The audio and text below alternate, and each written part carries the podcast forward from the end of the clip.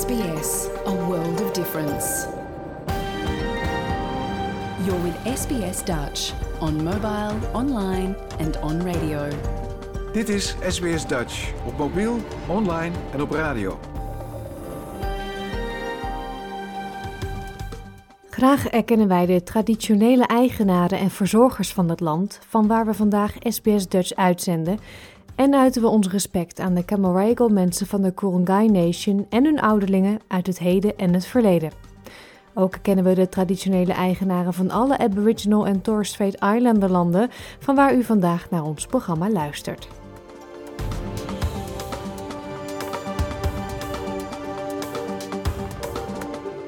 Een hele goede morgen. Mijn naam is Paulien Roesink en u luistert naar SBS Dutch, het Nederlandstalige radioprogramma van SBS. Het is vandaag zaterdag 7 januari 2023 en deze eerste twee weken van het nieuwjaar hoort u hier bij SBS Dutch bijzondere, interessante en leuke verhalen van het afgelopen jaar. Zo kunt u in deze aflevering bijvoorbeeld luisteren naar een gesprek met auteur Adam Muit over de invloeden van de Nederlanders op het Australische voetbal. En met Nicole Holte van de Dutch Table gaan we het hebben over de vele verschillende soorten Nederlandse koekjes.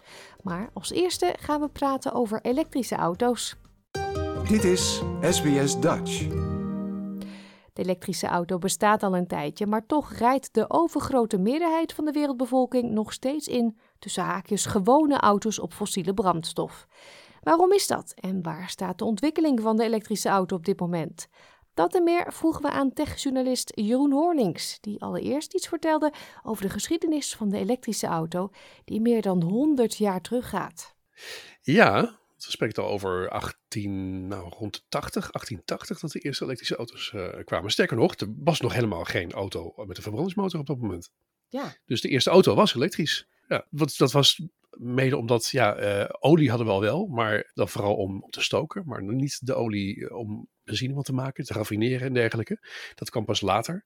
Um, maar het was wel zo dat ja, die elektrische auto's, die werden vooral gebruikt door hele rijke families. Uh, want die hadden natuurlijk uh, een vorm van elektriciteit of een generator. Dus dat was wel iets wat het een beetje verhinderde dat het naar de rest uh, doorcijpelde. Hmm. Je zegt dus eigenlijk al een paar decennia voor die Eerste Wereldoorlog waren de elektrische auto's er al. Waarom heeft die trend eigenlijk niet doorgezet en rijden we nu allemaal in auto's met fossiele brandstof? Ja, dat had meerdere redenen. Allereerst dus omdat het dus ja, echt voor de rijke mensen waren. Want de, gewone burger had gewoon geen elektriciteit. Nou, hoe moet je dan die auto opladen? Dat was een enorm probleem. Um, dus dat was, uh, was echt een enorme grote bottleneck op dat moment. Het was ook dat ze dus, ja, uh, misschien wel een beetje net als nu, maar ook best wel prijzig waren. En dat waren de andere auto's met een verbrandingsmotor ook. Totdat Henry Ford op de markt verscheen. Want die, die heeft eigenlijk gewoon de massaproductie uitgevonden. Gewoon één auto, één kleur, één type, één model. Uh, geen, uh, geen ditjes en datjes, geen foefjes. Hop, dat is het. Take it or leave it. En dankzij massaproductie werd het prijs in één keer zo laag... dat wij spreken uh, iedereen zo'n auto kon kopen. Hmm. Nou ja, dat was eigenlijk een beetje de doorbraak voor de auto in het algemeen. Ja, in dit geval ten koste van de elektrische variant. Die toch wat ingewikkelder was op dat vlak. Ja, we zijn ruim 100 jaar verder... Hoe staat het nu met de ontwikkeling van elektrische auto's? Ja, de elektrische auto is dus heel lang weg geweest. Af en toe nog een keer een paar terug, teruggekomen, maar er was niet heel weinig raam nu maar voor. Eigenlijk een beetje in de jaren 70 en met de oliecrisis, toen werden er weer een paar initiatieven genomen. Uh, vooral in de jaren 90, toen werd er wel weer naar gekeken. En dat kwam vooral te maken met de batterijtechnologie. Toen kwam lithium-ion kwam op, want daarvoor werkte alles met loodaccu's. Dus ook die allereerste auto werkte op basis van loodaccu's. Niet echt ideaal. Um, maar uh, lithium-ion heeft dat eigenlijk veranderd. En het enige wat moest, moest gebeuren was dat de prijzen gingen dalen. Uh, van accucellen dus. En dat is ook gebeurd. En daar staan we eigenlijk dus nu. Dus we zitten echt op een kantelpunt die eigenlijk al tien jaar gaande is, zeg maar. Waarbij uh, de techniek betaalbaar is. En de productie eigenlijk geschikt is voor, voor massaproductie, voor een groot publiek. Ja, over de betaalbaarheid komen we zo nog wel even. Maar zijn die elektrische auto's tegenwoordig ook gewoon echt helemaal zoals een benzineauto? Hetzelfde comfort, dezelfde foefjes, misschien nog wel meer futuristisch? Ja, precies. Nou kijk, eh, eh, toen, heb tien jaar geleden begon het eigenlijk met de Nissan Leaf en met de Renault Zoe, hier in ieder geval in Europa. Um, voor mij is de Leaf denk ik ook wel in Australië, weet ik niet zeker. Renault is natuurlijk echt weer Frans. Um, dat waren eh, relatief betaalbare modellen, maar die hadden één grote handicap. Ze waren niet heel spannend en ze hadden vooral een hele kleine accu, dus ze konden niet zo ver.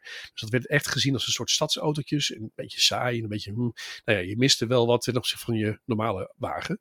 Dat veranderde toen Tesla op de markt kwam. Dat was uh, in 2008 en in 2012, 13 met de Model S die nog steeds rondrijdt. En dat was in één keer een hele spannende auto, een sexy auto. Want dat ding was bloedsnel. Sneller dan bijna alle andere auto's. Ik kon gewoon een Ferrari bij het stoplicht kon die, uh, verslaan, makkelijk. Um, hij had een enorm bereik van 400, 500 kilometer. En uh, ja, had dus eigenlijk alles wat je normaal van een auto zou verwachten. En dat is nu een beetje aan het door aan het schalen naar een groter publiek. Want die Model S was natuurlijk redelijk prijzig. En daar hebben we het inderdaad zo meteen nog over. Maar die prijzen zijn dus wel eh, flink gedaald. En als je, ik zou zeggen, wie nog geen ervaring heeft met elektrisch rijden, probeer het vooral eens. Want inderdaad, het rijdt eigenlijk wel een beetje anders. En als je het ervaart, dan is de kans groot dat je het ervaart als ja, futuristisch. Want je hebt bijvoorbeeld, een, voorbeeldje, je hebt maar één pedaal nodig. Dus remmen doe je met ja, het gaspedaal, wat natuurlijk geen gaspedaal heet, maar oké, het energiepedaal. Dus zowel in beweging brengen als weer remmen kun je in principe doen met één pedaal. En dat is echt een magische ervaring. Oeh, dat klinkt eng. Ik kan me nog herinneren dat ik voor het eerst van een handgeschakelde auto in een automaat ging rijden. Nou, dat ging ook niet helemaal geel zonder hoort of stoten, letterlijk. Ja, nou, het, is, het is inderdaad weer zo'n stap, inderdaad. Dus het is wel in het begin een beetje vreemd en eng. Maar eh, het is net als bij een automaat, denk ik. Tenminste, eh, het is persoonlijk. Maar als je dat dus dan een dag gedaan hebt, denk je, oh, dat is fijn. Ik heb een extra hand en ik kan allemaal dingen doen die ik normaal nog niet kon. Het is eigenlijk heel relaxed en uh, in de file staan is veel lekker te rijden. Nou ja, dat, dat geldt dus ook allemaal in dit geval. Dus eigenlijk in die zin heel erg vergelijkbaar. Maar dan nog een stap extra. Ja, Grootste nadeel, dat zei je al, het bereik van elektrische auto's. Je moet ze vaak opladen. In Europa heeft dat volgens mij ook wel nu drukte opgeleverd bij de laadpalen. Want veel kilometers kun je niet rijden non-stop, toch? Uh, dat is heel erg relatief. Um, dat, want dat is dus in die laatste tien jaar echt enorm veranderd. Hè. Dus die Nissan Leaf, ja, die had aanvankelijk bereik van ongeveer 100 kilometer. En dat was dan in de zomer. In de winter was het dan weer iets minder. En uh, de batterij die werd ieder jaar ietsje minder goed, zeg maar. Dus dat was echt een verouderd concept in die zin. Ga je nu kijken naar diezelfde Nissan Leaf, die nog steeds bestaat, of naar andere auto's in dezelfde prijsklasse, dan hebben we het echt over, ja, in euro's dan, laten we zeggen tussen de 30 en de 40.000 euro, uh, dan zie je dat die auto's in één keer een bereik hebben van 3 tot 400 kilometer. En ja, dat is toch wel echt een heel stuk meer. En als je heel goed kijkt naar je eigen gebruik van een auto, um, hoewel er in Australië meer gereden wordt dan hier, kan ik me voorstellen, gemiddeld, maar dan zul je zien, hé, hey, dat is eigenlijk best wel te doen. Hmm. Want ja, zo heel veel dagen rij je niet 400 kilometer op één dag. Nee, maar als ik me dat visualiseer van Nederland naar Parijs rijden, dan moet je sowieso ook één keer tanken. Nu moet je dan een keertje laden. Ja. Hoe lang staat zo'n auto dan aan de laadpaal? Ook daar heb je weer een vrij grote variatie. Dus als je nu de allergoedkoopste simpele auto koopt, dan sta je daar best wel lang. Dan sta je daar misschien wel een uur. Uh, koop je een moderne auto. En ook die vind je tegenwoordig in de prijsklasse van, laten we zeggen, rond de 40.000 euro. Echt de nieuwste techniek, nieuwste accutechniek. Dus dat betekent dat ze op heel hoog vermogen kunnen laden. Heel technisch, dan hebben we het over 240 kilowatt en hoger. Dat betekent in dat geval dat je na 18 minuten al klaar bent. Van 10 tot 80 procent vol is de accu dan. Ja. Dus het, het gaat echt ontzettend snel nu. Ja. Ja. Je stipte het net al aan, Australië is een heel groot land en de afstanden die we hier met de auto rijden, die zijn veel groter dan in Nederland natuurlijk. Zijn elektrische auto's eigenlijk wel geschikt voor dit grote land? Ja, ik denk het wel, maar het vergt natuurlijk wel wat aanpassingen. Eh, wat uh, essentieel is, dat hebben we natuurlijk in Europa gezien en in Amerika, is dat uh, het is een kip-ei verhaal. Je hebt infrastructuur nodig. Heb je die niet, dan kom je een heel eind. Want ja, overal uh, is wel ergens een stopcontact te vinden. Ook volgens mij in veel uithoeken van Australië wel. Maar goed, dan duurt het dus lang. Want dan ben je een paar uur aan het laden voordat je weer verder kunt. Je wilt idealiter wil je dus een snellader op hoog vermogen. Nou, dat moet dus uitgerold worden. Er moeten dus partijen zijn die dat faciliteren. In uh, Amerika is het gedaan. In Europa is het ook gedaan. Ik rij zelf al vijf jaar heel Europa door uh, elektrisch. En heb daar eigenlijk nog nooit echt uh, probleem mee gehad. Dus dat bewijst dat het kan. Maar ja, Australië, uh, heel groot, heel lang gerekt. woestijndelen en dergelijke. Dat betekent wel dat je dus, ja, ehm, dat op de meest gekke plekken, ehm, desolate plekken, dat daar wel ook laadpalen moeten staan. Nou zie ik één heel groot voordeel van Australië. Nou weet ik dat het groot land is, dus het is niet overal altijd even warm. Maar in het noorden, Darwin, uh, schijnt in ieder geval de zon behoorlijk veel volgens mij. Wat je zou kunnen doen, is een veld met zonnepanelen aanleggen. Een accu die die energie opslaat en daar dus laadpalen aan koppelen. Dat betekent dat je voor de rest helemaal geen infrastructuur nodig hebt. Geen, geen kabels naar een energiecentrale of iets dergelijks. Het kan allemaal lokaal opgewekt worden. En dat nadeel, of dat voordeel van zon, dat hebben wij hier in Europa, in ieder geval in Nederland, niet. Nee, dat is iets minder hè? Ja, je zei net, ik rij al Europa door. Wij hebben hier natuurlijk Wiebe Wakker op bezoek gehad met zijn Plug Me In eh, project. Um, die is de hele wereld over gereden. Dus het kan, maar je moet denk ik niet te veel haast hebben. Of is dat toch weer een, eh, een foutief uh, vooroordeel? Um, als je met nu een, een, goedkope elektrische auto door Europa gaat rijden, dan moet je niet zo heel veel haast hebben. Ik ken iemand die met een Renault Zoe, dat kleine autootje wat ik eerder noemde, ja, die ging daar, gaat daar ook al vijf jaar mee naar, naar Italië. En dan ook nog vier jaar hele goedkope of zelfs gratis laadplekken. Bij de Lidl kan dat bijvoorbeeld, bij een supermarkt. Um, dan moet je wat geduld hebben met dat heel slim plannen. Hè? Dat je dus tijdens het laden eventjes gaat winkelen of gaat eten en dat soort zaken allemaal. Um, ik zelf heb een vrij moderne elektrische auto. En ja, dan is dat laden echt in, in, in de omvang van in de range van 20 tot nou, 25 minuten. En dat valt eigenlijk heel erg mee. Die tijd is juist eigenlijk bijna eerder voorbij dat je nog even ik wil het kopen, terwijl je eigenlijk al auto weer vol is en je weer verder kunt. Dus ik denk dat het overzien is. Ja, eh, je zei hier al de de zon is hier inderdaad wel veel. Zien we binnenkort auto's met zonnepanelen erop, waardoor die accu automatisch opgeladen wordt en je eigenlijk helemaal niet meer hoeft te stoppen? Of is dat een droomwereld? Ja, dat is een beetje een droomwereld, maar het helpt wel. Dus een combinatie, als we kijken naar de techniek van nu, dan is een combinatie met wat ik eerder schetste, namelijk gewoon een heel een veld met zonnepanelen en accu's of andere manieren om energie op te slaan, um, is een veel logischer concept, heeft ook minder verlies. Um, zonnepanelen op auto's zien we ook steeds meer. Er zijn inderdaad al wel een model of vijf, in ieder geval die er aan zitten komen, die dat hebben. Er zijn ook steeds meer reguliere auto's, uh, Hyundai, Toyota, die een zonnedak bieden als optie. Dus er gebeurt echt iets. Maar je moet je daar niet heel veel voor voorstellen. Dat, dat, dat hebben we het echt over enkele kilometers per dag, wat dat oplevert. Dus nee, je moet alsnog stoppen en laden. Of dus een auto een dag in de zon zetten. Hé, wat jammer. Ja. Ik zag hier een gat in de markt. Laten we het even over het prijskaartje hebben, wat we al zeiden. Ik denk dat best veel mensen geïnteresseerd zijn in elektrisch rijden, maar dat prijskaartje wat eraan hangt, dat houdt mensen wel tegen. Wanneer wordt zo'n elektrische auto betaalbaar voor de gewone man, denk je? De prijzen staan onder druk, zeker nu met wat er in de wereld allemaal gebeurt. De prijzen zijn zelfs gestegen, ook tweedehandsprijzen. Um, dat gaat tegen de trend in, want de trend was juist dat elektrische auto's ieder jaar eigenlijk betaalbaarder werden. dus de goedkoopste elektrische auto in Europa is 18.000 euro. Die prijs is nu verhoogd naar net geen 20. Nou, dat is wel al betaalbaar, maar dan heb je een kleintje. Wil je wat meer, moet je meer bijleggen. Maar wat denk ik heel belangrijk is om te beseffen, is dat ja, de aanschafprijs, zowel nieuw als tweedehands, is hoog en ook hoger dan die van een auto met een verbrandingsmotor. Maar kijk naar de totale total cost of ownership, TCO. Want als je dan, als je kijkt naar, ik, dat je bijvoorbeeld vijf jaar ermee gaat rijden, je kijkt naar alle kosten, dus vooral de energiekosten, want dat scheelt ontzettend veel geld. Maar je kijkt ook naar het onderhoud, scheelt ook ontzettend veel geld. Als je al dat soort zaken meeneemt, dan zul je, op basis van je rijgedrag, hoe meer je rijdt, hoe beter, dan zul je zien dat op basis van vijf jaar zo'n elektrische auto waarschijnlijk al goedkoper kan zijn. Ja. Maar nogmaals, dat hangt af van variabelen. Wat is de prijs van benzine daar? Dat, hoeveel rij je? Rij je weinig, dan is het min, omslagpunt al minder snel. Maar als je veel rijdt. Ik heb zelf dat, dat rekensommetje vijf jaar geleden al gemaakt. En vijf jaar geleden was dat voor mij al goedkoper. Ja, en met alles wat er gebeurt in de wereld, uh, kan ik me inderdaad voorstellen dat het juist niet goedkoper wordt zo'n elektrische auto aan te schaffen. Want overheden die natuurlijk uh, verdienen op uh, belasting op uh, brandstof, die moeten op een of andere manier natuurlijk geld binnenhalen als steeds minder mensen brandstofauto's rijden. Ja, klopt. Um, de overheden willen graag wat meepikken hier in Nederland. Uh, ze hebben helemaal goed in belastingen in. Zijn ze kampioen, hè? Zo, dat is echt, als je kijkt uh, hoeveel procent accijns is, dan is het gigantisch en dat geldt voor alles. Uh, daar moet inderdaad wel iets gaan veranderen, want de overheid wil ook wat blijven verdienen aan accijns en btw en dergelijke. En er zitten overigens wel btw op laadpalen. Hè? Dus dat btw-percentage, als je het gaat vergelijken met de tankstations, klinkt een beetje gek, maar dan betaal je relatief gezien nu al meer energiebelasting en btw dan uh, accijns voor de tank. Dus in principe verdienen ze wel wat. Alleen ja, niet iedereen laat bij een openbare laadpaal, maar soms ook thuis. En dan is dat niet het geval.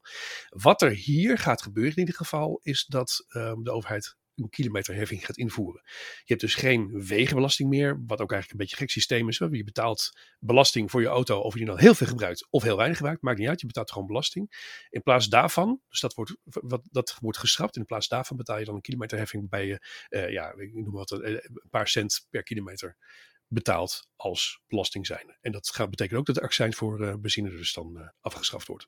Ja, en dat kunnen ze natuurlijk heffen, ongeacht of je elektrisch rijdt of niet. Dus ja, dat is mooi. Klopt. Daar hebben ze over nagedacht natuurlijk. En je kunt dat weer indexeren op basis van hoe, bijvoorbeeld hoe vervuilend een auto is. Dus hoe vervuilender, hoe duurder dat is, en hoe, hoe, hoe zuiniger en beter voor het milieu, hoe lager dat is. Ja. ja, waar komt jouw fascinatie voor elektrische auto's vandaan, Jeroen? Dat uh, begon in de jaren negentig toen in Amerika de EV1 werd aangekondigd. Dat was in Californië was dat, daar waar ze ook vrij progressief waren op dat moment. En toen stimuleerden ze daar autofabrikanten om daar iets met elektrisch te doen, wat toen nog helemaal niet bestond. En toen had General Motors of, all people, want dat was echt een Amerikaans bedrijf, uh, wat ja, voor de rest dat nooit eerder gedaan had. Die kwam met de EV1, een heel klein uh, elektrisch autootje. En Mel Gibson onder andere had hij aangeschaft. En ik, heb hem, ik zie het nog voor me. Ik hoor hem vertellen dat, ja, fantastisch. En uh, hij trekt hartstikke snel op. En uh, dan kom ik thuis in mijn garage en dan doe ik hem in stopcontact. En de volgende dag is hij weer vol. Ik zeg, wat? Niet meer tanken? Volgende dag altijd vol? Hè?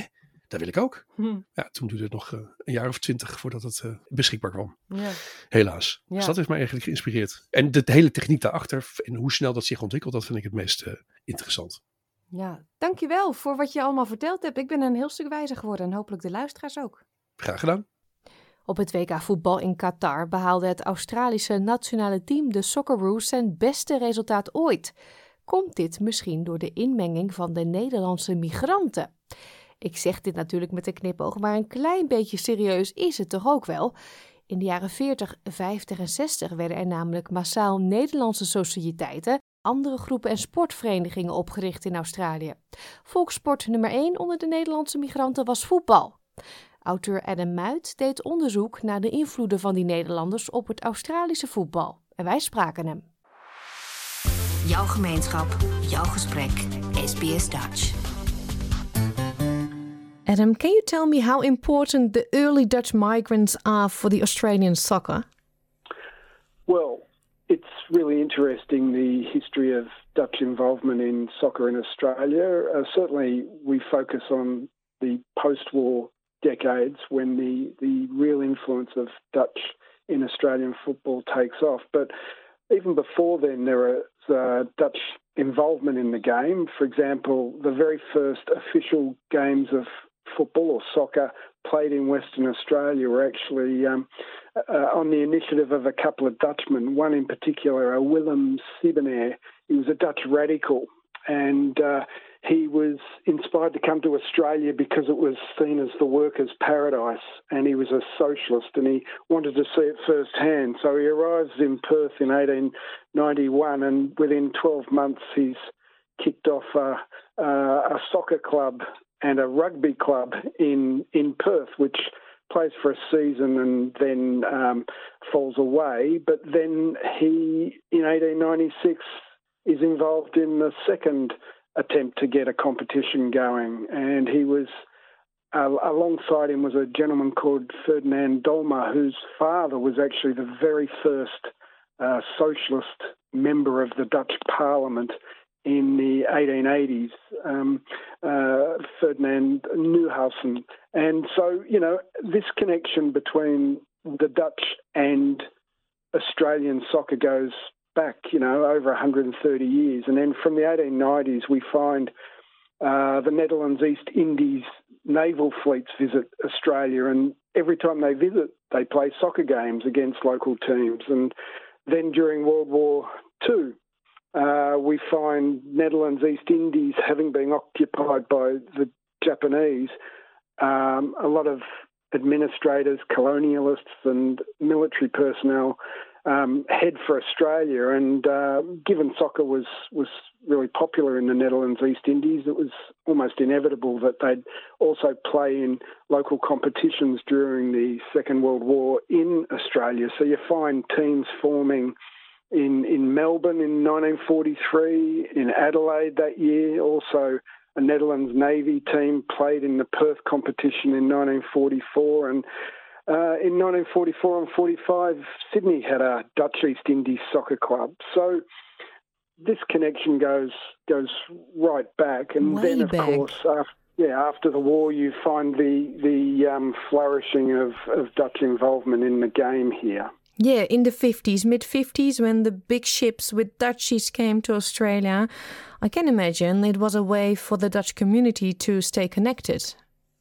Well, that's that's right. It's it was a way for you know people to feel a sense of well connection and community really in a strange land, and it at least allowed them to begin that process of of settling into a new home. It was particularly important for for younger men.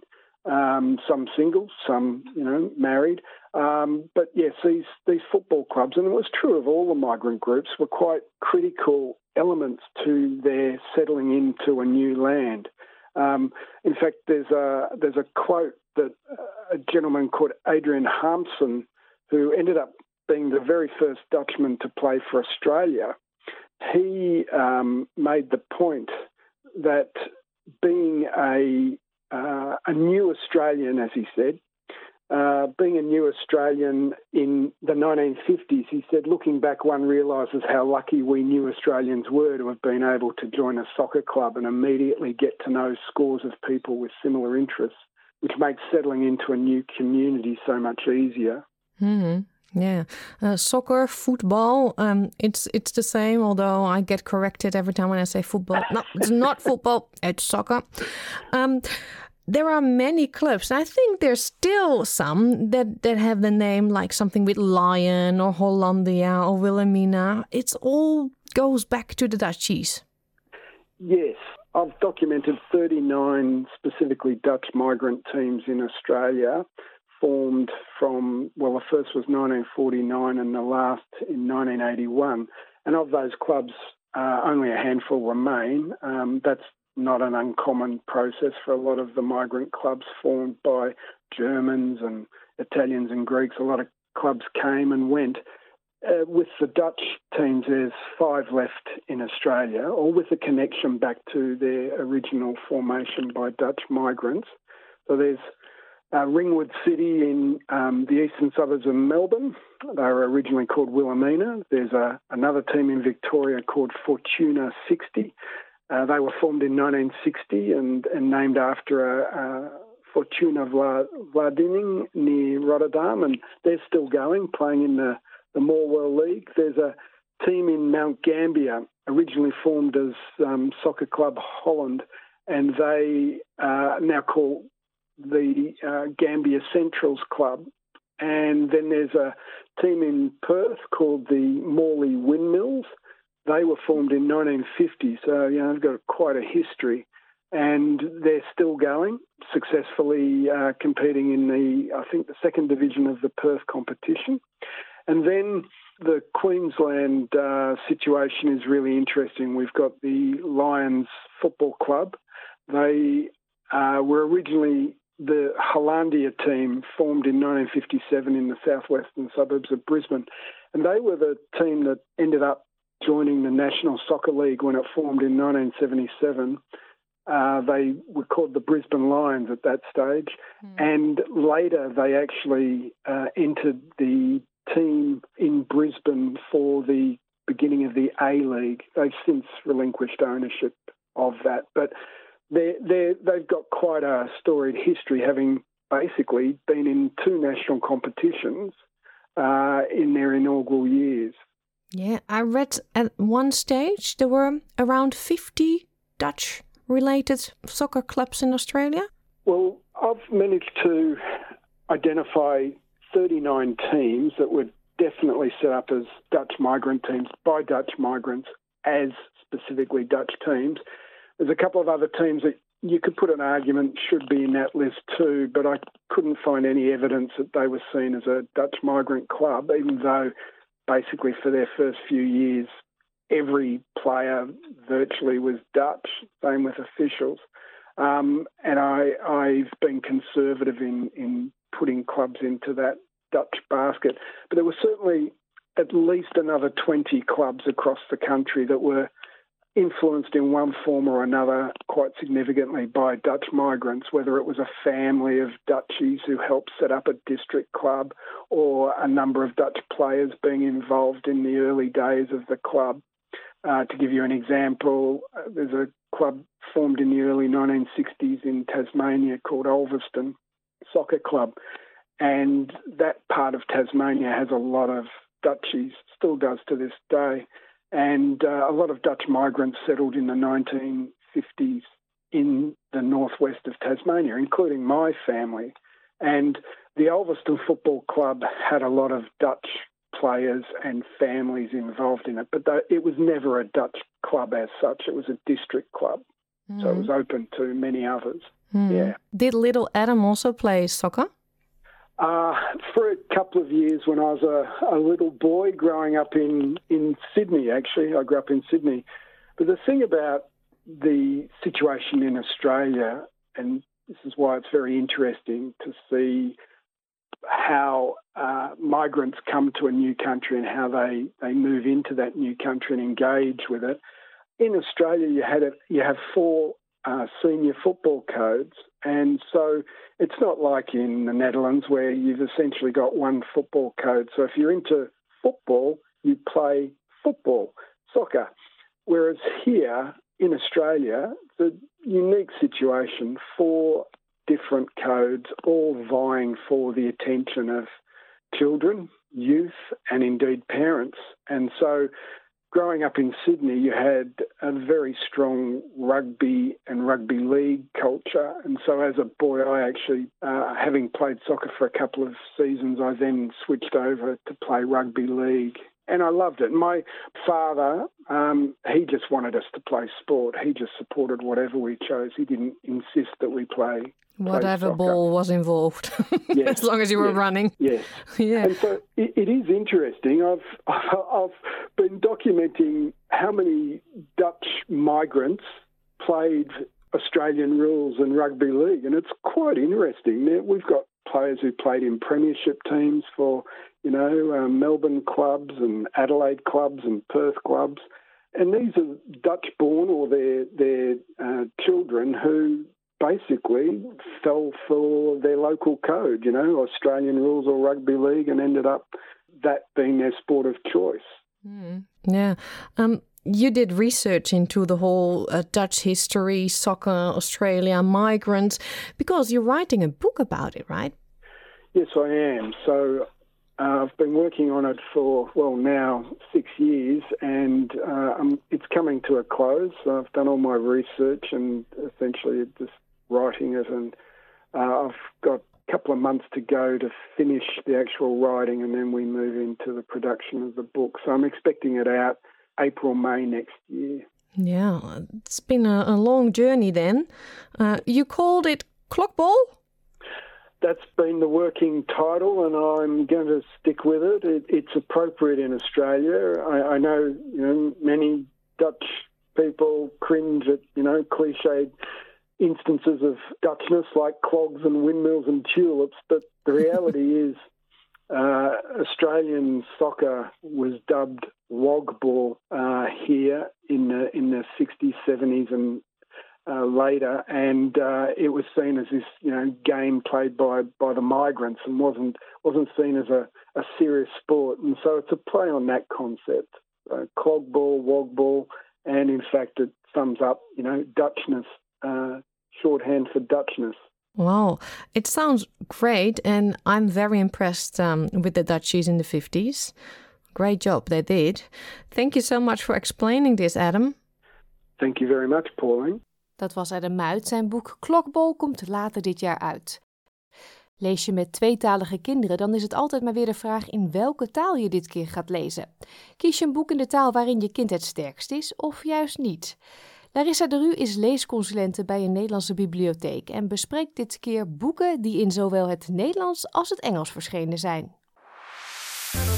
SBS Dutch. Deel onze verhalen op Facebook. Deze maand heb je twee boeken uitgekozen die uh, mensen in het Nederlands en het Engels kunnen lezen. Ja, dat klopt. Um, toen wij net begonnen met uh, deze rubriek, toen was ik een beetje zelf aan het kijken van, hé, hey, wat zijn nou mijn allerleukste boeken. Volgens mij had je daar toen iets over gevraagd van, nou, wat zijn je favorieten? En toen kwam ik er eigenlijk achter dat veel van mijn prentenboeken, die ik echt geweldig vind, uh, vertalingen zijn uit het Engels. En nou ja, wij hebben er natuurlijk echt uh, mooie Nederlandstalige, maar ook echt door Nederlands gemaakte boeken. Maar ja, we waren deze week, of voor deze keer natuurlijk nog op zoek naar een beetje een thema. En toen dacht ik, nou, dat vind ik dan wel heel erg leuk. Vooral omdat het natuurlijk ook voordelen kan hebben voor als kinderen tweetalig worden opgevoed. Dat je het boek in beide talen kan lezen. En dan ook kan kijken, je kunt er ook een beetje mee spelen. Ga je het voorlezen in de taal die het minst gesproken wordt? Kunnen kinderen daarna in de eigen taal lezen? Nou, daar kun je natuurlijk een beetje mee afwisselen. Hmm. En zelf stel ik me voor dat het dan ook heel grappig kan zijn om die talen te vergelijken. Er zitten natuurlijk altijd overal woordgrapjes in. Ja, wat is er dan grappiger in, het, e-, in de ene taal en in de andere taal? Of is het wel een goede vertaling? Want ik kan me voorstellen dat kinderen daar dan ook heel erg een mening over hebben. Hmm. Ja, en toen was ik aan het zoeken, want ik heb echt veel te veel prentenboeken die vertaald zijn. Maar ik heb de meest, uh, mijn meest nieuwe favoriet uiteindelijk gekozen. En ik dacht, ja, ik vind het toch ook wel leuk om de andere kant op, uh, op te doen. Dus daar was ook wel een prentenboek vanuit het Nederlands vertaald in het Engels. Maar ik heb uiteindelijk uh, een echte klassieker. Maar die ga ik dan straks iets over vertellen. Nou, laten we beginnen met je nieuwe favoriet dan. Ja, um, ja, nog heel even daarvoor. Ik kwam in de voorbereiding hiervoor een website tegen. Misschien is dat wel leuk voor mensen om ook te weten. Het heet timtimtom.com.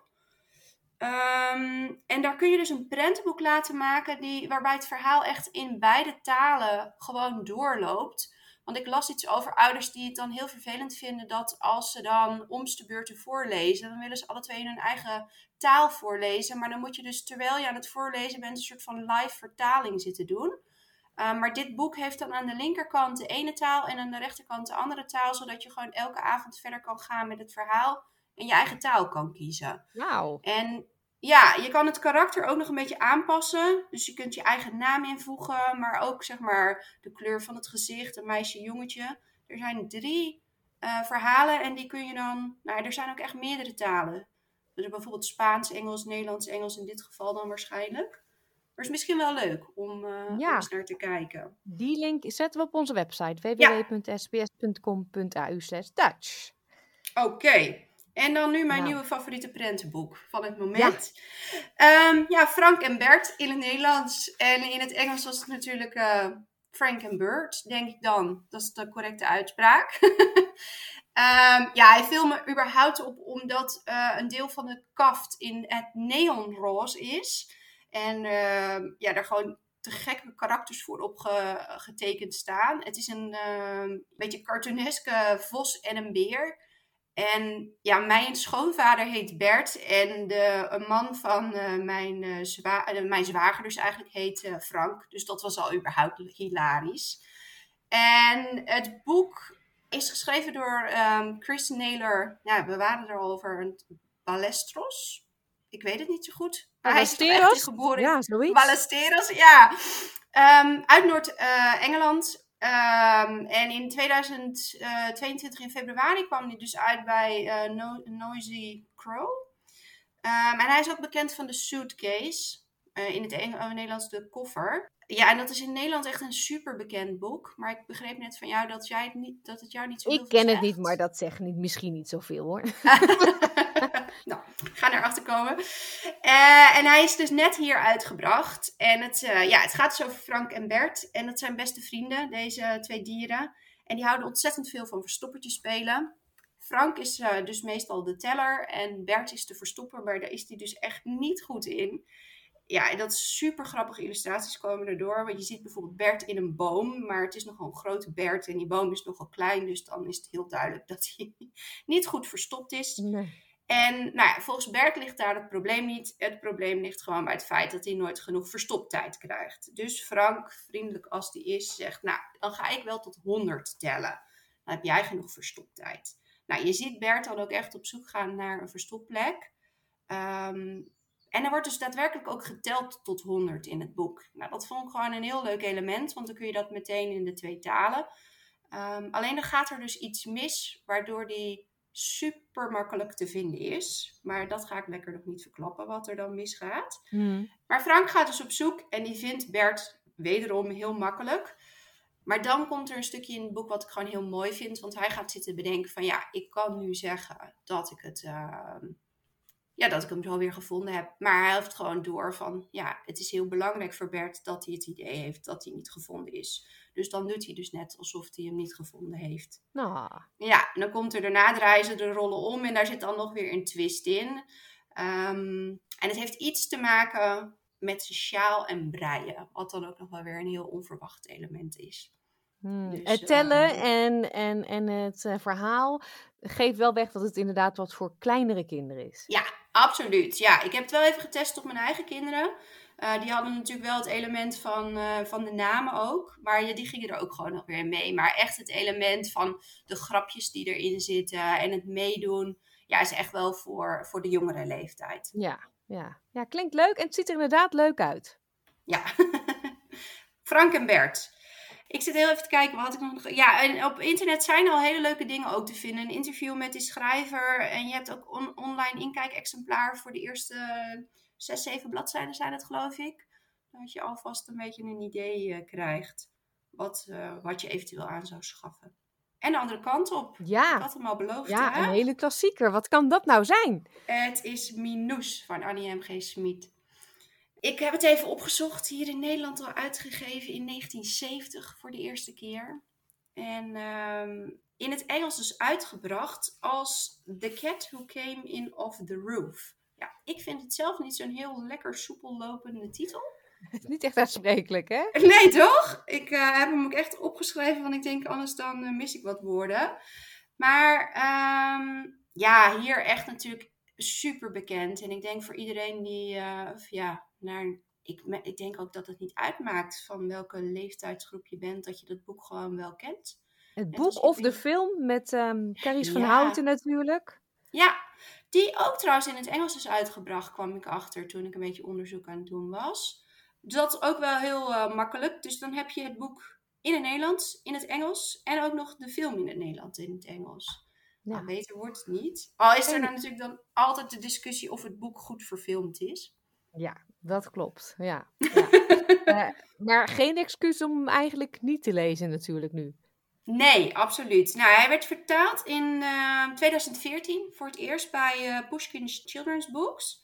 En zij hebben ook de Nederlandse Lampje uitgegeven en de Brief voor de Koning, die uitgeverij. Dus die zijn wel fan, geloof ik, van eh, Nederlands werk. En de Engelse vertaling is gedaan dus door een Australiër, David Colmer. En hij woont eigenlijk al sinds 1992 in Nederland. En hij was zo gek van het boek. Hij werd eerst benaderd om de Jip en Janneke website te vertalen in het Engels. En nou ja, zo kwamen ze dus verder bij uh. En wat er altijd gezegd wordt van het werk van Annie M. G. Smit is dat het natuurlijk heel tijdloos is. En ook niet zozeer echt een cultuurding heeft. Wat er heel erg veel van die fantasie-elementen in zitten. Ja, dat maakt haar werk zo bijzonder natuurlijk. Ja, absoluut. En dat zeggen ze ook wel van veel internationale uitgevers. Van ja, het is allemaal wel herkenbaar voor iedereen. Ja, en voor mocht je het nou nog niet kennen, het boek Minous. Als afsluiter nog maar heel even kort waar het boek erover gaat. Het gaat over journalist Tibbe. En hij leert uh, juffrouw Minous kennen. En vanaf dat moment is het vinden van nieuwtjes voor hem uh, super makkelijk. Want Minous spreekt namelijk kat omdat ze zelf vroeger een kat is geweest. Nou ja, en dat dat voor- en nadelen kan hebben, daar kom je dan gaandeweg het uh, boek achter. Ja, dat zijn weer twee mooie titels. Frank en Bert en Minous. Toevallig Ja. ook nog eens allemaal namen. Dat uh, Ja, is ook zo oh, bewust uitgekozen. nee, niet eens. En volgens mij is het Minous, maar dat is misschien wel leuk om dan even achteraan te gaan als je nu geïnspireerd bent. Want volgens mij blijft Minous in de Engelse versie geen Minous, maar wordt het Minou. We sturen iedereen erop uit om het uit te gaan vinden. Dankjewel weer, Larissa. Graag gedaan. Tot de volgende keer. Is het je wel eens opgevallen dat er heel veel verschillende soorten koekjes zijn in Nederland? We praten hierover met Nicole Holte van de blog The Dutch Table, die ook nog eens een smakelijk recept voor Haarlemmer halletjes deelt. SBS Dutch, woensdag en zaterdag om 11 uur 's ochtends of online op elk gewenst tijdstip.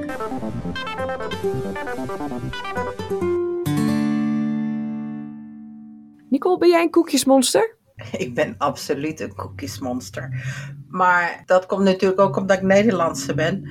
Als je in Nederland in de supermarkt loopt, dan heb je een heel gangpad vol met koekjes, links en rechts. En dan is het moeilijk kiezen. Dan kijk ik en dan denk ik, nou heb ik zin in een wafeltje of eh, een gevulde koek misschien. Of een stroopwafeltje, speculage.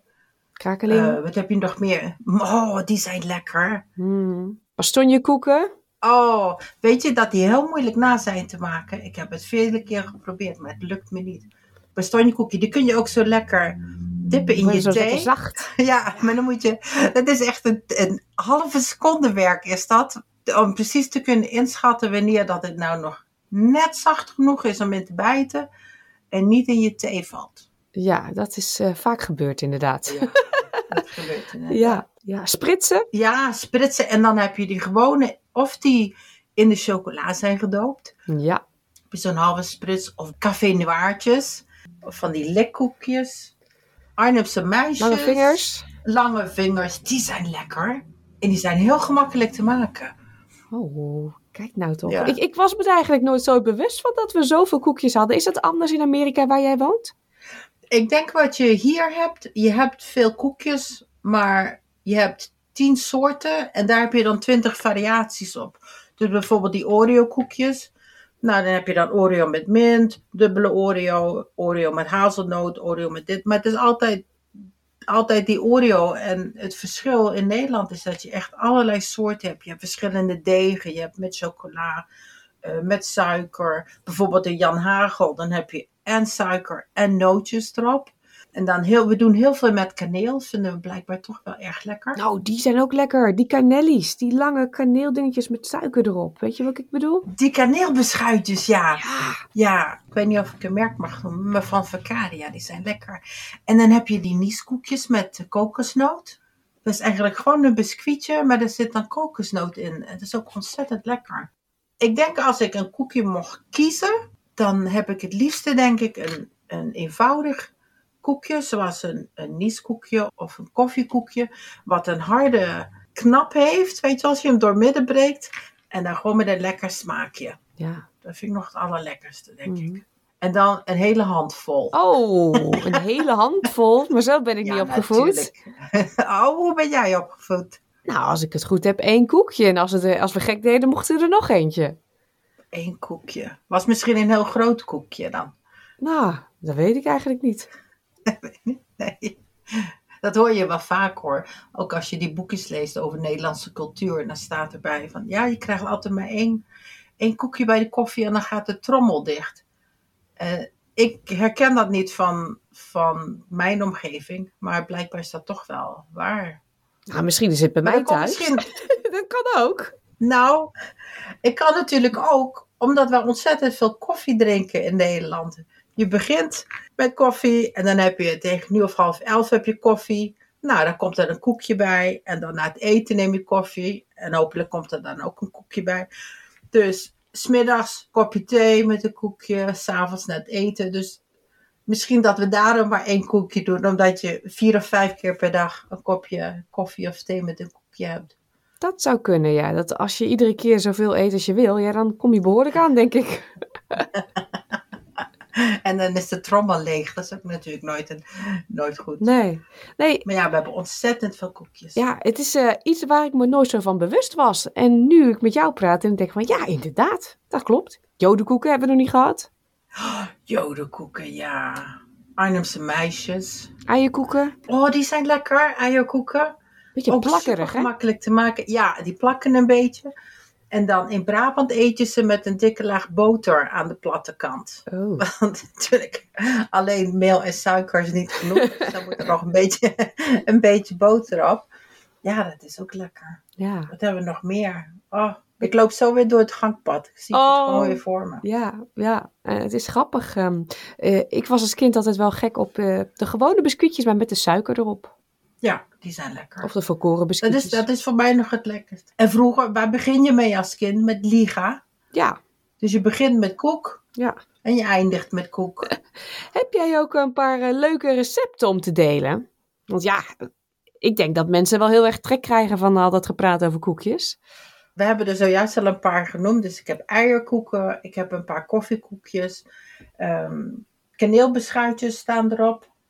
Kan jij in, in Amerika Nederlandse koeken halen? Ik bijvoorbeeld in Australië, ik woon dan in Sydney.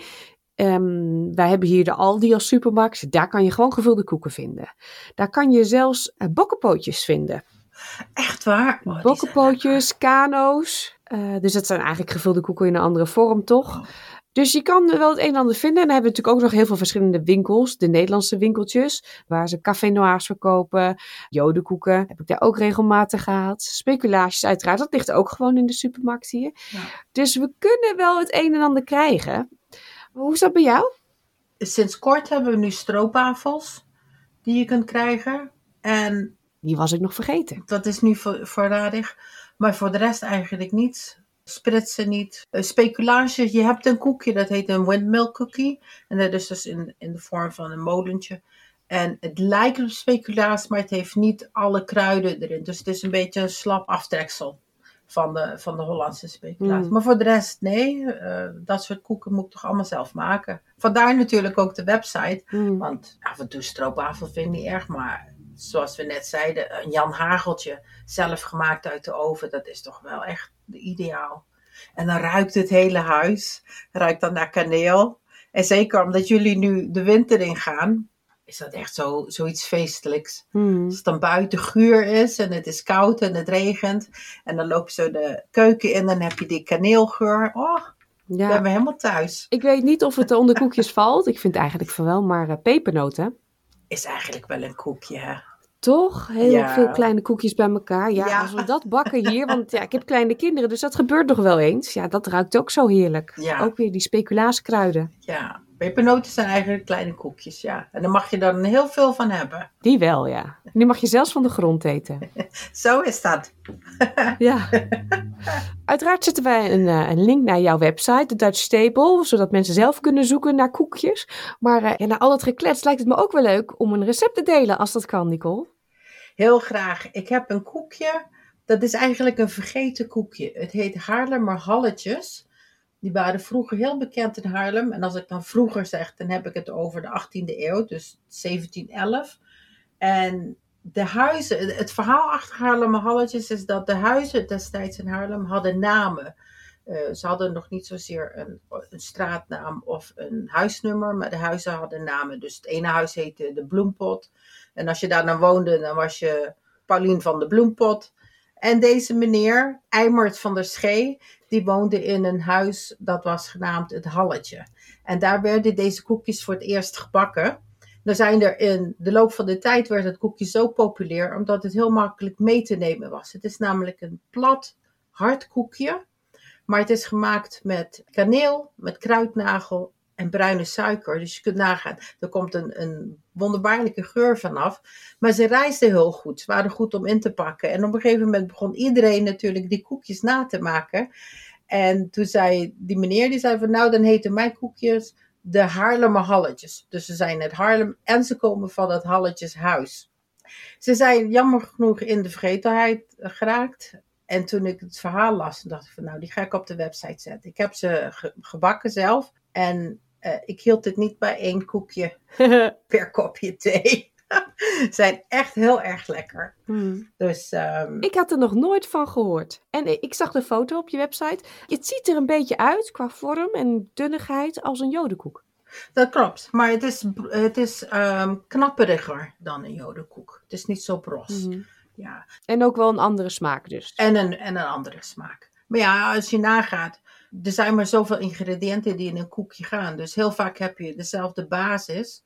En zoals in een jodenkoek, er gaat misschien alleen een beetje vanille in, maar je hebt echt die botersmaak. In deze koekjes, daar gaan natuurlijk veel kruiden in en in allerlei soorten combinaties. Mm, ja. Nou, iedereen uitproberen. Het recept komt op onze website www.sbs.com.au Dutch. Weer heel erg bedankt Nicole voor deze smakelijke aflevering. Heel graag gedaan en tot gauw.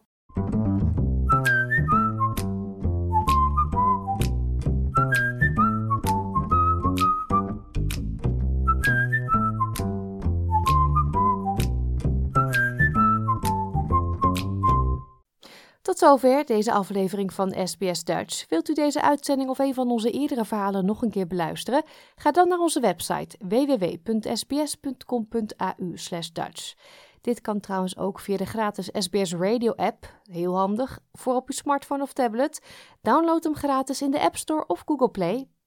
Hiermee komen we aan het einde van deze zaterdaguitzending van de SBS Dutch. Woensdag zijn we er weer. Heel graag tot dan. Like, deel, geef je reactie. Volg SBS Dutch op Facebook.